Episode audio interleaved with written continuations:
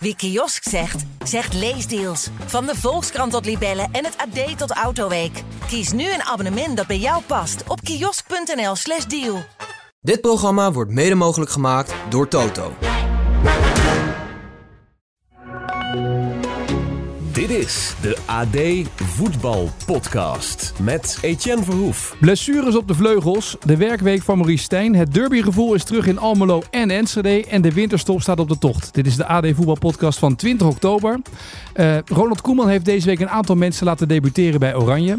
Dus ik dacht, weet je wat, dan moeten wij in de voetbalpodcast ook maar een, een debutant hebben voor de hele podcast. Want je bent al een paar keer te gast geweest, Leon ten Voorde in de podcast, maar nu echt een podcast met jou helemaal. Hè? Dus een, een debuutweek, toch? Ik ben nu uh, contractspeler in plaats van uh, stage. Ja, je, je, stage is voorbij. Ja. Je bent nu gewoon contractspeler. Ja, ik voel druk. Ja, je kan in die vakjes zitten, maar dit is toch anders, hè, dit?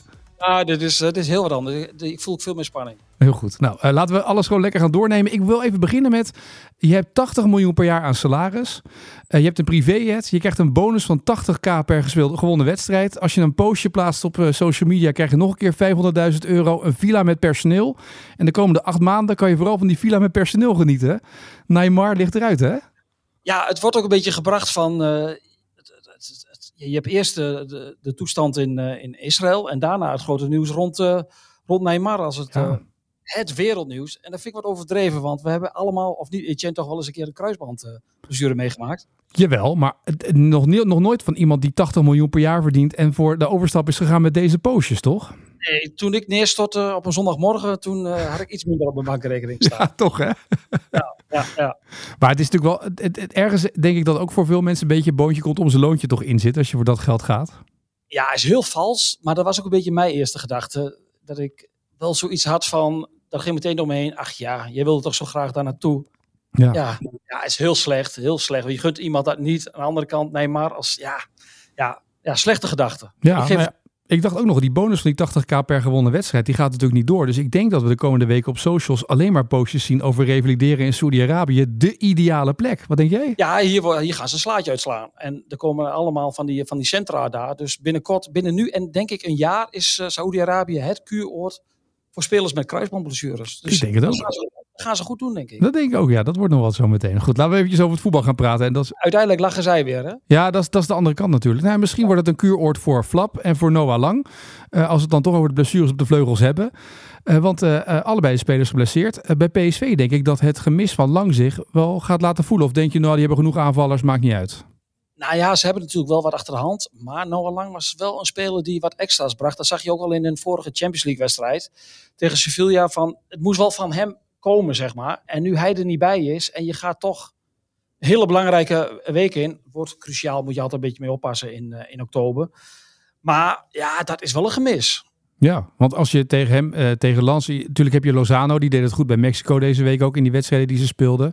Maar die heb je nu terug met een jetlag. Dus dit weekend uh, kan je er al minder op rekenen, hebben we gezien met Jiménez. Ja, maar dit weekend kom je er wel mee weg. Ja. Maar goed, we maar, kijken natuurlijk met een stiekem, stiekem een blik al een week vooruit. Wat er komen gaat, ja, dan ja, dat is dat niet lekker voor PSV. Nee, want het verschil is wel dat Long, Lang echt iets kan creëren uit het niks. En Lozano is nog steeds een goede voetballer en daar hebben ze veel voor betaald. Maar wel een, een actie-reactie voetballer bijna, toch? Ja, absoluut. absoluut. En je kunt, ja, dus, ja, kijk, ze zijn natuurlijk alle drie kun je ze opstellen uh, bij PSV. Dat is, een, dat is een groot goed.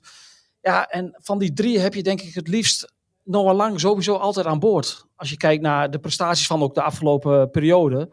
Bij Lans heb je hem gewoon nodig. En ja. uh, ook omdat je daar waarschijnlijk ook al teruggedrongen wordt in de uitbraak. Hij kan wel vanaf, uh, ja, vanaf, de, uh, vanaf de middenlijn zeg maar, iets, iets, iets creëren en forceren. Het valt me wel altijd op. Ik moet dan gelijk denken aan bijvoorbeeld iemand als Robben. Die, die hamstringblessures, die bij die snelle flegmatieke vleugelspelers toch weer vaker voorkomen. En nou, ik denk bij PSV hebben ze natuurlijk ook gehad met Madueke, die steeds geblesseerd was. Dat is toch ja. een dingetje. Ja, dan, dan, gaan ze weer kijken naar het gestel, naar de vezels van, van je spieren. En dan schijnt dat explosieve spelers ja, daar wel gevoeliger voor zijn. Het is geen toeval meer, denk ik, dat nee. dat soort teams dat overkomt. En zeker misschien ook wel een beetje in dat nieuwe voetbal, waarin juist die vleugelspelers ook vaak moeten meeverdedigen, weer terug moeten lopen, dat het dus vaker voor gaat komen? Ja, het zijn vaak van die bam, van die, van die korte dingen dat je aan moet zetten. Ja, en dan gaat het wel eens mis. Ja, uh, in het verleden zeiden ze altijd van ja, hamstringblessures komen heel veel voor in de voorbereiding, hè, omdat ze dan te snel te veel moeten doen. Maar je ziet het nu ook wel. Het is nu oktober. De jongens zijn gewoon hartstikke fit. Dus daar heeft het dan niet mee te maken. Dat is toch puur de explosiviteit. En of je lichaam die belasting dat wel aan kan dan. Ja, precies. Dat, dat geldt trouwens niet voor Flap. Dat is, dat is geen hamstringblessure. Uh, maar het is natuurlijk ook geen, geen flegmatieke buitenspeler die het moet hebben van de snelheid en de actie natuurlijk. Hè? Nee, het is een, het is een gemaakte buitenspeler. Hè? Dus hij, is, hij staat komen te staan. Een beetje uit nood, uit nood geboren, zeg maar.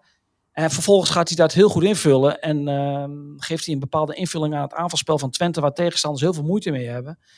En hij laat Twente op die manier goed spelen. Want voor alle duidelijkheid, hij is een, een nummer 10 eigenlijk. Ja. Maar hij is op de vleugels komen te staan op het moment dat Twente al heel snel klaar moest zijn voor, uh, voor de Europese wedstrijden. Maar nog geen vleugelspits genoeg aan boord had. Toen is hij daar neergezet door uh, trainer Jozef Oosting. En hij vult dat heel goed in door een beetje aan de binnenkant dan te gaan spelen als een verkapte tweede nummer 10 uit te komen als uh, Twente in aanval is. En dat is, ja, dat is voor tegenstanders, die hadden daar heel veel problemen mee. Want ja, een back wil liefst een directe tegenstander, hè, dan, kun je gaan, dan kun je daarop instellen. Maar hij gaat zwerven, hij wordt een extra middenvelder. En ja, dat is toch een, uh, een wapen gebleken in het aanvalspel van Twente. Dus dat is heel goed uitgepakt. Maar ja, hij ging vorige week door de enkel heel ongelukkig op de training. En hij mist sowieso de derby. Hij heeft twee enkelbanden gescheurd. Volgende week is de toppen tegen Feyenoord. Twee grote wedstrijden voor, voor FC Twente in een week tijd. Ja, je moet vrezen voor Twente dat, ze, dat hij sowieso ook Feyenoord niet haalt. Hij hoopt, heeft zelf wel stiekem hoop, maar ik denk... Ja, normaal gesproken staat er vier tot zes weken voor, hè, voor gescheurde enkelbanden. Hij liep al vrij goed toen ik hem van de week sprak. Maar ik denk wel dat Feyenoord ook te vroeg voor hem komt. En dat is wel een gemis voor Twente. Ja, dat, eh, dat, is een beetje de Berghuis-invulling zoals Berghuis bij Feyenoord speelt. Maar dan ja, van rechts speelt hij hem van links. Ja, zo kun je het een beetje zien. Ja. ja. Want eh, dit weekend is het weekend van de derby. Leeft dat een beetje nu in Almelo en Enschede? Ja, men zegt altijd het leeft in Almelo meer dan in Enschede. Maar in Enschede willen ze hem ook wel heel graag winnen. In ieder geval heel, absoluut niet verliezen. Want het is natuurlijk wel nog steeds de strijd tussen de, de, kleinere club en de grotere broer. De grotere broer die dat ook in alles uitstraalt. Hè, die de laatste jaren natuurlijk veel meer succes heeft gekend. Heracles is een club die heel erg leeft van de traditie van lang geleden, toen wij er nog niet waren, terwijl wij al redelijk oude mannen zijn. Precies, ja. Maar uh, ja, het is, het, Heracles is echt, is echt Almelo, de stad Almelo. En daaromheen, de dorpen, die, dat is allemaal al, FC Twente. En ja, je krijgt een, uh, een beetje de strijd tussen, tussen de kleinere club en de grotere club, waarvan je moet uh, in Almelo. Ja, ik denk niet dat Twente er heel gerust naartoe gaat, want van de laatste vijf uh, edities hebben ze geen gewonnen. Dus iedereen denkt wel dat Twente favoriet is, de buitenwacht. Maar zo simpel is het daar niet. Want ja, voor Almelo is dit de wedstrijd van het jaar. Absoluut. Ja, als ze deze wedstrijd winnen, dan, dan is het een jaar lang feest. Loopt iedereen de Polonaise? Ja, als je dan uiteindelijk degradeert, heb je er nog niet zoveel aan. Maar nee. ik denk niet gaat gebeuren. Want ze staan er ook gewoon goed voor. En ze hebben gewoon een redelijke selectie. Ook als je het afzet tegen de echte degradatiekandidaten. Dus ik denk niet dat Heracles in de, in de problemen gaat komen. Maar dit, is wel, dit doet wel wat extra's. En Twente heeft gewoon in Almelo al negen jaar niet gewonnen. En dus dat geeft ook wel aan dat, uh, dat er altijd iets extra's gebeurt. Kunstgras, het is niet echt een lekker veld. We mogen er niet over beginnen. Maar het zit natuurlijk wel in het achterhoofd. Ja, merk jij dat bijvoorbeeld ook bij de kranten in de kliks en dat soort dingen... of wat er aan bezoekers op de website komt... dat het deze week extra gaat leven? Dat iedereen alles vreet? Dat is een goede vraag. Alleen we zijn nog maar net begonnen. Het, je, kijk, we hebben het van de week ook al over gehad in de, in de vergadering. Van, je moet ook met derbies, moet je ook als krant, heb je ook al een bepaalde functie, vind ik. En je moet ook oppassen dat je het niet gaat opkloppen tot iets negatiefs, waardoor de rivaliteit uh, enorm is. Ja, ik weet niet of wij dat altijd goed hebben gedaan in het verleden. Ik weet ook niet of andere kranten dat altijd goed hebben gedaan. Ik kan me nog wel herinneren dat er vorig jaar heel veel gedoe was bij de Gelderlanden over de wedstrijd tussen NEC en Vitesse. Dat daar een, voor een bepaalde insteek was gekozen. Ja, dat had, dat, daar dacht ik toen ook wel iets van, van moet je dat doen? Dus we proberen in deze derby, die nu na een jaar weer terug is, hè, want Heracles zat in de eerste divisie vorig seizoen, toch wel een beetje de positieve insteek uh, te kiezen. Bijvoorbeeld hadden, op donderdag hadden we uh, twee spelers die nog echt een club hadden hebben. Thomas Bruns bij, bij Heracles en, en Daan Ros bij, uh, bij FC Twente, die echt op zijn vijfde onder een Twente-dekbed sliep. Ja. En Thomas Bruns had als, als kind een hotmailadres waarin Heracles voorkwam. Dus ze bestaan nog echt, de echte clubjongens. Dus die hebben we even opgevoerd over hun, uh, hun gevoel voor de club en wat de derby betekent. Ja, precies. En binnen Twente zijn ze bezig met die derby of zijn ze vooral bezig met het grotere plaatje, namelijk Europees voetbal moet dit jaar gehaald worden, misschien zelfs stiekem plek 3? Ja, weet je wat het is? Kijk, er wordt natuurlijk wel gesproken over de derby, maar als je kijkt naar de samenstelling van die selectie, ja, ik weet niet of Karel Eiting heel erg anders wordt van Heracles tegen Twente. Nee? Denk je van niet? Ja, ik, ik, ik weet het niet. Nee. Maar ja, ze zullen er ongetwijfeld over hebben. Maar dat leeft in Almelo in de kleedkamer veel meer. Die krijgen daar de supporters veel meer eh, over de vloer. Uh, er komt bijvoorbeeld uh, zaterdag hè, een, een, een, soort van uitzwaaiactie terwijl ze thuis spelen. Maar je snapt wel wat ik bedoel met vuurwerk. Nou, in, in Enschede of in Hengelo, wat, wat Twente traint, gebeurt dat niet. Er zijn ook besloten trainingen vanaf dinsdag. Dus daar is dat ook wat moeilijker. Ja, nogmaals, ze vinden het altijd heel vervelend en pijnlijk als ze verliezen in Almelo. Maar het, het is wel iets anders dan, uh, dan, uh, dan bij Heracles. Daar leeft het echt. Daar heeft iedereen de hele week alleen maar over de derby. Ja. En dat gevoel heb ik bij Twente. Nee, bij Twente gaat het natuurlijk ook een beetje over ja, die, die top 4 nu in de eredivisie. Uh, AZ, Twente, PSV, Feyenoord. Uh, Ajax staat natuurlijk op een, op een grote achterstand. Alhoewel, als je Sutelo mag erover, komt Ajax echt nog wel terug en bovenaan in de eredivisie. Uh, maar als je het hebt, ik, ik kan me voorstellen dat Twente ook...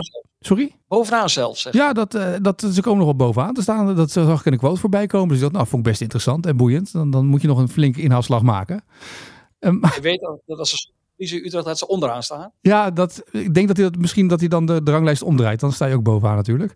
Maar als je uh, kijkt naar, naar Twente, bedoel, wat, wat, uh, wat voor gevoel leeft er nu in Enschede? Dat die, die voorronde Champions League gloort natuurlijk een beetje. Uh, of is Europees voetbal al voldoende? Nou, ik heb dat in een concurrerende podcast van onze eigen krant voor twee weken geleden gekscherend genoemd. De Champions League longt. Ja. Nou ja, toen had ik meteen een appje van Arnold Brugging van of alles wel goed was bij mij ja, ze proberen er natuurlijk wel in deze fase van het seizoen nog heel erg ja, ja, naar beneden te halen. Die ambities van, jongens, we moeten met z'n allen wel normaal blijven doen. En dat is ook natuurlijk ook zo. Kijk, de eerste ambitie is gewoon Europees voetbal halen. En dit seizoen met die extra plek in de Champions League, ja, is er iets extra's hè, aan, ja. aan de bovenkant van de ranglijst. En ja, goed, als je vijfde wordt en de uh, ploeg uit de top vijf wint de beker. En als je kijkt naar het niveau in Nederland kun je er eigenlijk wel van, vanuit gaan dat een top 5 ploeg de beker wint.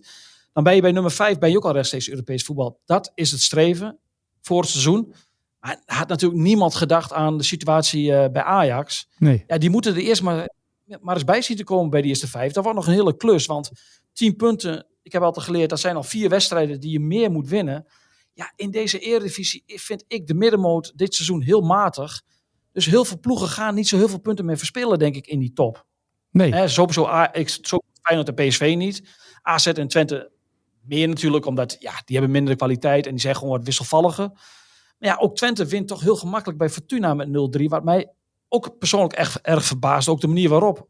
Dus ja, ja, eerst Europees voetbal en je weet het niet. Kijk, AZ moet, gaat, uh, krijgt ook een zwaar programma met Europees voetbal. Ja, en de afgelopen twee seizoenen zijn die twee clubs hebben elkaar eigenlijk niks ontlopen. Twee jaar geleden werd Twente vierde. AZ vijfde, voor seizoen was het andersom. Dus die liggen best wel dicht bij elkaar. Dus ja, ja, ja je weet het niet. Nee, maar dat goed. Ik vind wel een beetje voorzichtig dan weer. Als dan, je kan ook zeggen, ja, weet je wat, Europees voetbal, dat, dat, dat moeten we gewoon halen nu. Maar ja, weet je, laten we het, het neerleggen op plek drie als streven, toch? Een stapje hoger neerleggen. Ja. Ja, nee, ik ben het echt eigenlijk wel helemaal met je eens. maar aan de andere kant, in de op vorig seizoen, net toen ze Zerouki niet wilden verkopen, toen stonden ze nog heel dicht op Feyenoord. Toen zeiden ze van, ja, we gaan in deze fase niet uh, verkopen aan een concurrent. Daar liep toch iets anders hè, na de winterstop. Feyenoord liep wel heel erg ver weg. En Twente won geen uitwedstrijd meer. Um, dus daar hebben zij misschien wel iets van geleerd naar buiten toe. Maar ja, ik zeg altijd, na een wedstrijd of 7, 8 heb je toch de afspiegeling van, uh, van, je, van, je, van je competitie gehad. En als je dan zo voor staat, Feyenoord staat nog steeds achter Twente, hè? dat moet je Ja. ook niet vergeten. Precies. Volgende week Twente Feyenoord. Dus ja, kijk, ik denk als je in de winterstop nog op deze plek staat, dan, dan, dan kun je gewoon gerust gaan uitspreken van we gaan ervoor. Aan de andere kant heb ik ook altijd wel zoiets, wat levert je het je op als je dat gaat uitspreken? Nou, misschien niet naar buiten toe, maar intern. eh, Ik haal dan altijd de boekjes van Toon Gerbrands aan. Die zegt altijd, je moet het één tikje hoger leggen dan wat realiseerbaar is. En dat Europees voetbal, nou ja, dat heb je afgelopen jaren gehaald. Dus knap waar Twente vandaan komt, laten we dat voorop stellen. Maar daar ben je nu met deze selectie.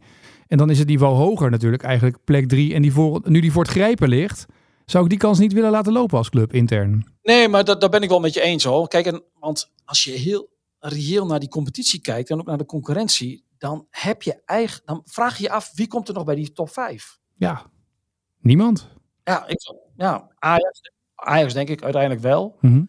Maar goed, eh, top 5, dan ben je nog niet bij de, bij de derde plek. Dat is nog steeds een hele afstand. Ja, kijk, de, de, de huidige nummer 5 is Excelsior. En met alle respect, die gaan daar niet blijven staan. De nummer 6 is Coed Eagles. Ik denk dat Coed dit jaar eh, de play-offs gaat halen. Die hebben echt een leuke ploeg. En in Deventer win je niet makkelijk.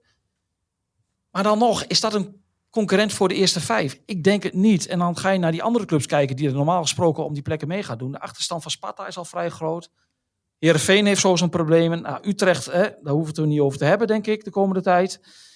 Dus ja, Europees voetbal is eigenlijk al Zeg ik nu iets heel iets geks? Ik denk, jij een appje krijgt van Brugink. Je krijgt een appje van Brugink. Laat wordt ik uitgezonden. Want morgen vanaf uh, bepaald tijd zit de telefoon een beetje uit. Ja, nee, vanaf 12 uur s'nachts. Dus het kan zijn dat Brugink dit gewoon uitzet en dan de hele dag kan je appjes krijgen. Dus komt wel goed, ja? ja. Nou, ik wil maar vliegtuigstand zetten dan de hele dag. Dat is een goed idee. Maar dat is natuurlijk wel een beetje, als je het zo gaat rekenen. Die, die, er zit zo'n groot gat tussen de top en, en wat daaronder zit inmiddels. Dat, ja, dat nivelleert natuurlijk aan alle kanten. Ja, en ook als je kijkt naar die wedstrijden. Ik, ik ben dan zo'n freak die best wel veel wedstrijden ziet, ook van andere clubs. Ja, ze zijn gewoon niet zo goed. Ja. En ik denk dat Twente in, in Enschede heel weinig punten gaat verspelen. En als je dan af en toe een keer een uitwedstrijdje wint en je, je sprokkelt daar je punten, dan kom je al een heel eind. Ja. Hoewel, volgende week wordt het heel interessant, want Twente is sinds 2022 ongeslagen hè, in eigen stadion. En dan komt Feyenoord. Nou ja, goede test, toch? Geweldige wedstrijd. Ja. Zeker als Twente stelt dat ze winnen in Almelo, dan, hè, dan wordt het helemaal natuurlijk een mooi gevecht. Zeker.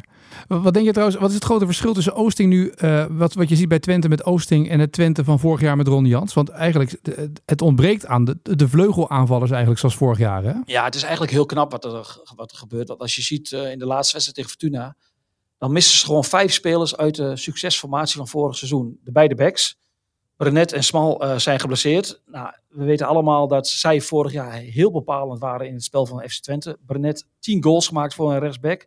Smal 10 assists. Ja, dat is ongekend. Daarmee ben je echt de top of the bill in de Eredivisie. Nou, die hebben ze dit seizoen nog niet gehad. Um, bij de vleugelspitsen, Michian en Chenny, die konden die sporters ook best vaak achter het behang plakken. Omdat ze echt ook een ondergrens hebben waar je van denkt van... Jongen, ja. jongen, jongen, wat is dit? Waar kijken we naar? Maar ze kunnen ook vanuit niks iets, iets creëren en forceren. En dat hebben ze ook niet. En als je dan kijkt naar de hè, Flap, een gemaakte linkerspits. Daan Rots, die vorig jaar eigenlijk heel jaar op de bank zat, waarvan iedereen vond hij komt eigenlijk tekort voor het niveau van Twente. Daar spelen ze nu mee. En Rami Saruki ontbreekt op het middenveld. Dat zijn er vijf. Dan is het wel heel erg knap wat in korte tijd in Enschede, uh, ja, wat ze daar neer hebben gezet. En heeft de nieuwe staf heeft daar echt een uh, hele belangrijke rol in gespeeld. Ze zitten er bovenop. Er, is, wordt heel gestructureerd gewerkt. Daan Rot zei ook in een interview van... Vorig jaar was het een beetje van... Ja, we kijken aan beelden van wanneer het uitkomt. Maar nu staat alles heel strak gepland. En ja, het, uh, ik vind het altijd een beetje makkelijk en goedkoop om te zeggen van... Ja, nu is alles beter dan vorig jaar. Want ze hebben natuurlijk geweldig gepresteerd onder Ron Jans en zijn staf. Alleen, ja, ik denk wel dat dit wel... Voor Twente kwam dit wel op het goede moment. Een, een, Volgende een, stap. een frisse wind met een andere aanpak. En uh, ja, ja. ja. Mooi. Eh, twee dingen nog even, voordat we straks naar de vraag van vandaag gaan. Uh, nog eventjes uh, Ajax. Hoe zou de werkweek van Maurice Stijn zijn geweest, denk je? Zal die lekker rustig zijn geweest? Heeft hij in alle rust kunnen toewerken naar Utrecht? Zou hij iets van druk voelen, denk je? Wat een contrast voor die man. Hè? Vorig jaar bij Sparta, dat eigenlijk iedereen het geweldig vindt en niemand op hem let. Dan kun je gewoon je ding doen. En nu ben je in Amsterdam, waar alles al uitvergroot wordt. En dan nu in een situatie terechtkomen die, ja, die ja, ik denk iedereen die leeft nog nooit heeft meegemaakt. Nee. Uh, zijn hele leven lang. Ik bedoel, ik heb eigenlijk nooit op die plek staan. Dus ja, nee, die zit niet lekker op zijn stoel. En die, je wordt dan ook overmand door twijfels op elk niveau. Elke trainer gaat twijfelen, gaat andere dingen bedenken. Uh, ja, en daar wordt het vaak niet beter van. Nee. En ik geef je te doen om op dit moment uit naar Utrecht te gaan. Ja, met ook de spanning die daarop staat ook. Want Utrecht kan natuurlijk ook niet hebben die, die 18e plek. Kijk, als ze ergens een linker rijtje staan, dan, dan maalt niemand erom. En dan, maar dit is ook voor Utrecht supporters de wedstrijd van het jaar een beetje. Hè? Dat nog, hè? Ik bedoel, er zit altijd al die rivaliteit vanuit Utrecht richting Ajax. Dus het is altijd een beladen wedstrijd. Ja, en nu is het nummer 18 tegen nummer 16. En ja, ja geef er maar een draai aan. Dat is... Uh, kwart over twaalf. Ik denk dat heel veel mensen voor de televisie zitten zondag. Want ja, dat wil je niet missen. Ook. Ja, en ik denk ook zeg maar dat beide trainers, Jans en Stijn, gewoon echt heel slecht slapen die nacht. Ja, ja die slapen echt heel slecht. En, en, ja, en als je ook ziet bij Ajax of het programma erachteraan komt, met uh, Brighton en met PSV, ja, ja, dan moet je bij de nummer 18, is, is dan de makkie, hè? Ja, ja precies. Dit is de makkelijkste wedstrijd ja. uit het schema. ja, Ja. En ehm, ik, hadden het net over Europees voetbal. Uh, Rick Elfrink had even uitgezocht hoe dat volgend jaar gaat met die Champions League en de Europa League. Met die nieuwe opzet natuurlijk van die Champions League. Want het is voor de laatste keer dat we deze vorm krijgen. En volgend jaar wordt het een soort van competitie. Dat betekent dat we in januari nog twee extra speelrondes erbij krijgen. Uh, in het Champions League schema en het Europa League schema. En uh, bij de KVB hebben ze nu al een beetje stress. Want ja, waar laten we dan de winterstop? Waar kunnen we nog wedstrijden inhalen? Um, dat wordt nog wat volgend jaar voor al die selecties om dat bij te kunnen houden als je Champions League gaat spelen. Leuk die 10 miljoen extra, maar dan. Ja, maar ook voor al die voetbalverslaggevers, want die vinden het altijd geweldig om in de eerste week van januari eventjes naar de zon te gaan op die trainingskampen. Ook dat schiet er allemaal bij in. Ja. Dus het wordt ook behelpen voor ons. Maar um, ja, het is pas geleden een bijeenkomst geweest met alle technische directeuren. En daar hebben ze wat tekst en uitleg gegeven, ook over het competitieprogramma. En daarin was de stress al voelbaar bij de bond. Ja, hoe gaan ze dit fixen? Dit wordt echt een groot probleem. En je weet gewoon, de UEFA houdt daar gewoon geen rekening mee. Die hebben lak aan die, aan die nationale competities. En die hebben zoiets van, uh, wij doen dit en zoek het maar uit. Je lost het maar op. En die oplossing is er eigenlijk niet. Want je moet dan waarschijnlijk door de week gaan voetballen. Maar dat zit ook al overvol. Want je hebt vier wedstrijden en dan komt er alweer een interlandbreek aan. Hè, die, er wordt ook steeds meer met, met de Nations League erbij. Dus ja, dat wordt, uh, dat wordt een dingetje. Is al een dingetje aan het worden natuurlijk. Ja, en eerder beginnen kan ook Gaan we niet. kerstvoetballen. Ja, met kerstvoetbal. Maar eerder beginnen kan ook niet door dat EK. Nee. Want je kan ook niet alles naar voren halen. Want die internationals die in eigen land spelen, hebben dan ook nog recht op een soort van vakantie. Dus er wordt ook nog wat. Ja, en bovendien gaan de clubs dan ook ze zeggen van ja, dat zijn onze zoekerhouders op vakantie, onze supporters. Dus ja, dat wordt, dat wordt een enorme puzzel die, ja, die bijna niet te leggen is. Nee. Maar is het gezond dat de UEFA nog nou, uiteindelijk, meer... uiteindelijk uh, Etienne, wordt er gewoon 34, worden 34 wedstrijden gespeeld. Ja. Dus links of rechtsom gaat het gewoon gebeuren. Ja, nee, je kan twee dingen doen. Je kan ook die play-offs nog afschaffen, want dan heb je dat niet meer aan het einde van het seizoen helaas. Maar dat scheelt je dan, dat geeft je iets verlenging van, van het speelschema natuurlijk. Ja, ze gaan al naar één wedstrijd, hè? dus niet meer een, een, een uit- en een thuiswedstrijd uh, straks. Dus dat, dat vind ik al een beter opzet. Dan word je als hoogst geclasseerd, dan krijg je ook iets meer waardering voor die plekken. Hè? Mm -hmm. Dus dat, dat heeft meer waarde gekregen, dus dat is al goed. Maar dat zal zomaar kunnen, ja, dat ze daaraan moeten gaan denken. En ja, je kijkt ook naar, naar de FIFA, die gaan dan een WK voor clubteams uh, uitbreiden 32 teams? Ja, zoiets ja. ja. Zoiets? ja. Je zou toch denken dat de grote clubs, want daar valt volgens mij niet het grote geld te halen, denken van, uh, je bekijkt het maar, wij gaan er met de, met de C-selectie naartoe. En uh, we houden de sterke jongens hier uh, houden gewoon in Europa. Want ja, je moet toch een keer een statement maken. Ja, en Engeland begint het langzamerhand een beetje te komen. Dat, dat de coaches zeggen, ja, het, het gaat te ver nu. Ja, als dat zo meteen in Nederland ook gaat gebeuren. Je kan hier natuurlijk geen selectie houden van 40 man. Dat wordt bijna is niet te doen. Utrecht heeft geprobeerd. Begin van het seizoen lukt ook niet echt. Nee, maar kijk, de Champions League is, is, is, is het, daar valt het goud eh, op te halen. Volgens mij bij het wereldkampioenschap van clubteams niet. Dus laat City dan maar een statement maken. En laten ze dan maar met een veredelde jeugdploeg daar naartoe gaan. Want dat WK clubteams, ja, dat interesseert echt niemand wat. Nee. Precies, maar goed. Je moet ergens beginnen, hè? Ja, en iemand moet beginnen. Het liefst dan City of zo. Hè? Een beetje een grote ploeg, dat is beter dan dat het uh, onderaan begint ja. natuurlijk. Ja. Dat Kopenhagen zegt, wij gaan in de Champions League alleen maar spelen met B-spelers. Want we hebben, nou ja goed, dat gezegd hebben we. Uh, we gaan uh, tot slot van deze podcast, uh, Leon, naar onze dagelijkse rubriek, de vraag van vandaag. De vraag van vandaag. En die vraag die kwam van Geert Langendorf gisteren. Ik ga toch even terug naar, naar die historische prestatie van, van Engeland. De 3-1 op Italië.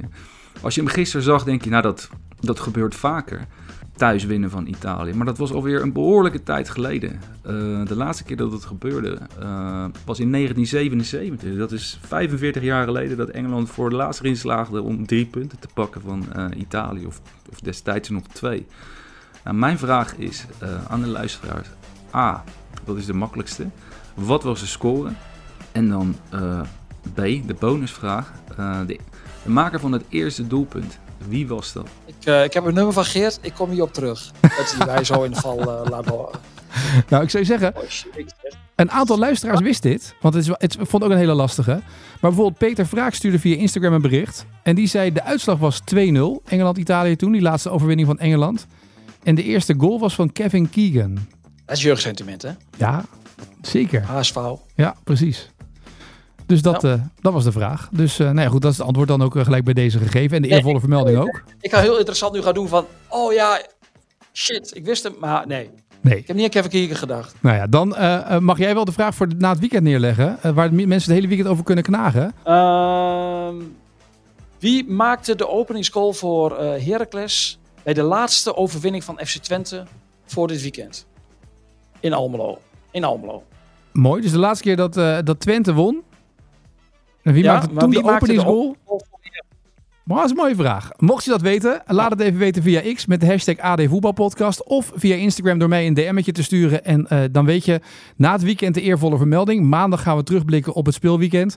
Doen we met, eh, met Mikos. Ik denk dat Mikos dit ook wel weet. Het is wel echt een Mikos vraag dit. Wat denk jij?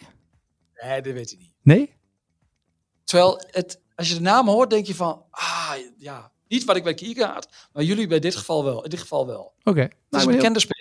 Ik ben heel benieuwd. Goed, eh, mocht je het weten, laat het vooral weten via Instagram en via X. En dan eh, komende maandag het antwoord in de AD Voetbalpodcast. Blikken we terug op het weekend, op alle dingen die we besproken hebben. Leon, ik vond, moet zeggen, voor de evaluatie alvast, dat doen we nooit, eh, dat doen we gelijk. Prima debuut zo, lijkt me prima zo om dit beetje vol te houden. Doe je lekker de ballen verstand als podcast door de week bij Tubantia. Maandag weer, denk ik, weer nieuwe, toch? Eh, ja, zeker. Zeker, zeker. Ja, Ja. zeker. Een extra derbygevoel, hè, saus je eroverheen. Precies, dus eh, hou dat vol en uh, schuif af en toe gewoon lekker aan in de AD Voetbalpodcast. Lijkt me prima zo. Gezellig. Helemaal goed, mooie dag. Yo!